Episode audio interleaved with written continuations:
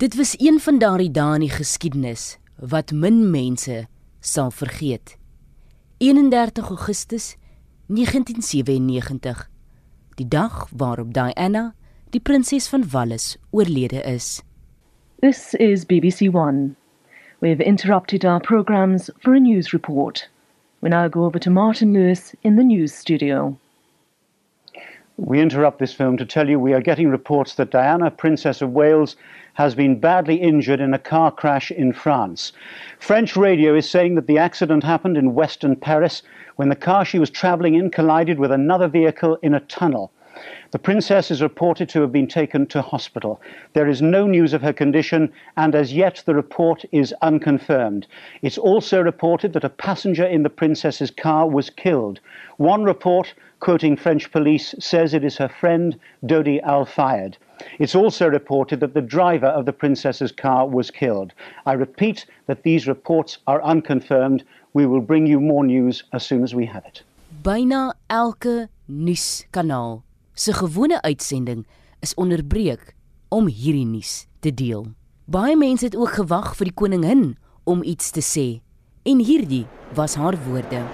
Since last Sunday's dreadful news, we have seen throughout Britain and around the world an overwhelming expression of sadness at Diana's death. We have all been trying in our different ways to cope. It is not easy to express a sense of loss, since the initial shock is often succeeded by a mixture of other feelings disbelief, incomprehension, anger, and concern for those who remain. We have all felt those emotions in these last few days. So, what I say to you now, as your queen and as a grandmother, I say from my heart. First, I want to pay tribute to Diana myself.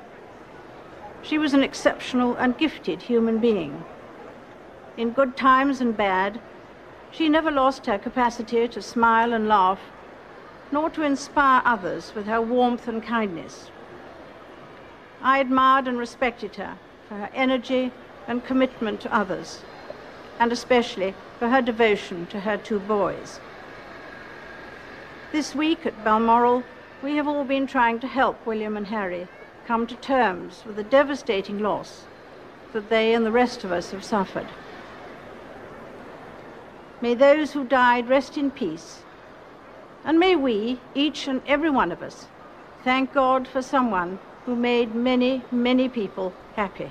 Dit is stem van koningin Elizabeth II wat 'n week na prinses Diana se dood die wêreld toespreek. Vandag onthou ons nie net die hartseer nie, ons vier ook die ongelooflike vrou wat die prinses van harte was, geliefd omdat sy soveel vir ander omgegee het, 'n liefling omdat sy so mooi was en ook so mooi aangetrek het. Haar styl het ontwerpers geïnspireer. Kyk, as prinses Diana iets gedra het, wou almal dit dra. Waar was jy die dag toe jy die nuus hoor?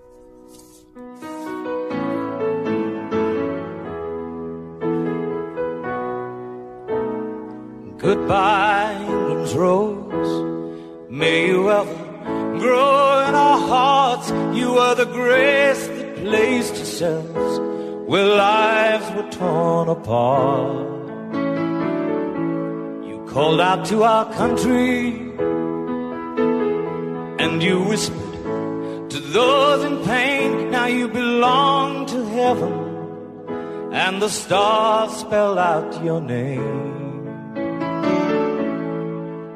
And it seems to me you lived your life like a candle in the wind, never fading with the sunset when the rain set in. And your footsteps will always fall here along England's greenest hills. Your candles burned out long before your legend ever will.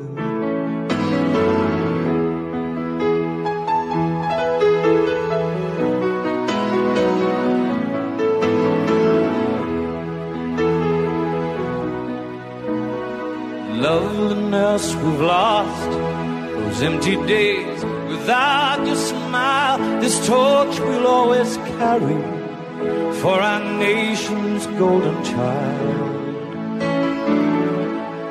Even though we try, the truth brings us to tears. All our words cannot express the joy you've brought us through the years. And it seems to me you've lived your life like a candle in the wind, never fading with the sunset when the rain set in. Your footsteps will always fall here along England's greenest hills Your candles burned out long before your legend ever will.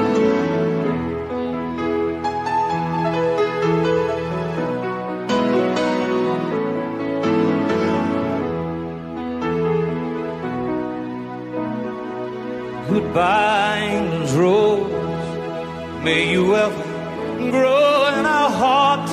You were the grace place to set where lives were torn apart. Goodbye, this road from a country lost without your soul, who missed the wings of your compassion more than you will ever know. And it seems to me you've lived your life like a candle in the wind never fading with the sunset when the rain set in. And your footsteps will always fall here along England's greenest hills. Your candles burned out long before your legend ever will. Elton John met Goodbye England's Rose wat hy gesing het by Prinses Diana se begrafnis op 6 September 1997 in die Westminster Abdij. Dis aangepas deur Bernie Taupin en Elton het gesê hy sal nooit weer hierdie liedjie sing sonder die toestemming van Prins Harry en William nie. 21 jaar later is haar begrafnis steeds een van die grootste televisiegebeure in die geskiedenis. In Brittanje op BBC alleen het 19,29 miljoen mense gekyk hoe Prins William en Prins Harry destyds net 15 en 12 van hul ma afskeid geneem het. Die ter aarde bestelling was 'n privaat aangeleentheid wat slegs deur die Spencer familie, Prins Charles, William en Harry bygewoon is. Diana is op 'n eiland in 'n meer begrawe op die landgoed waar sy as dogtertjie gespeel het. No one who knew Diana will ever forget her. Millions of others who never met her, but felt they knew her, will remember her. And it seems to me you lived your life like a candle in the wind, never fading with the sunset when the rain set in. And your footsteps will always fall here along England's greenest hills. Your candles burned out long before your legend ever will.